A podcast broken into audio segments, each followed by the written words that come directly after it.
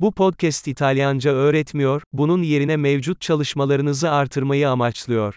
Dil öğrenmenin önemli bir bileşeni, beyninizi büyük miktarlarda dile maruz bırakmaktır ve bu podcast'in basit amacı da budur.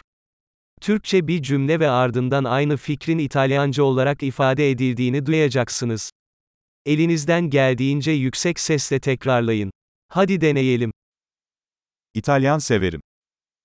Adoro l'italiano. Harika. Zaten anlamış olabileceğiniz gibi, sesi oluşturmak için modern konuşma sentezi teknolojisini kullanıyoruz.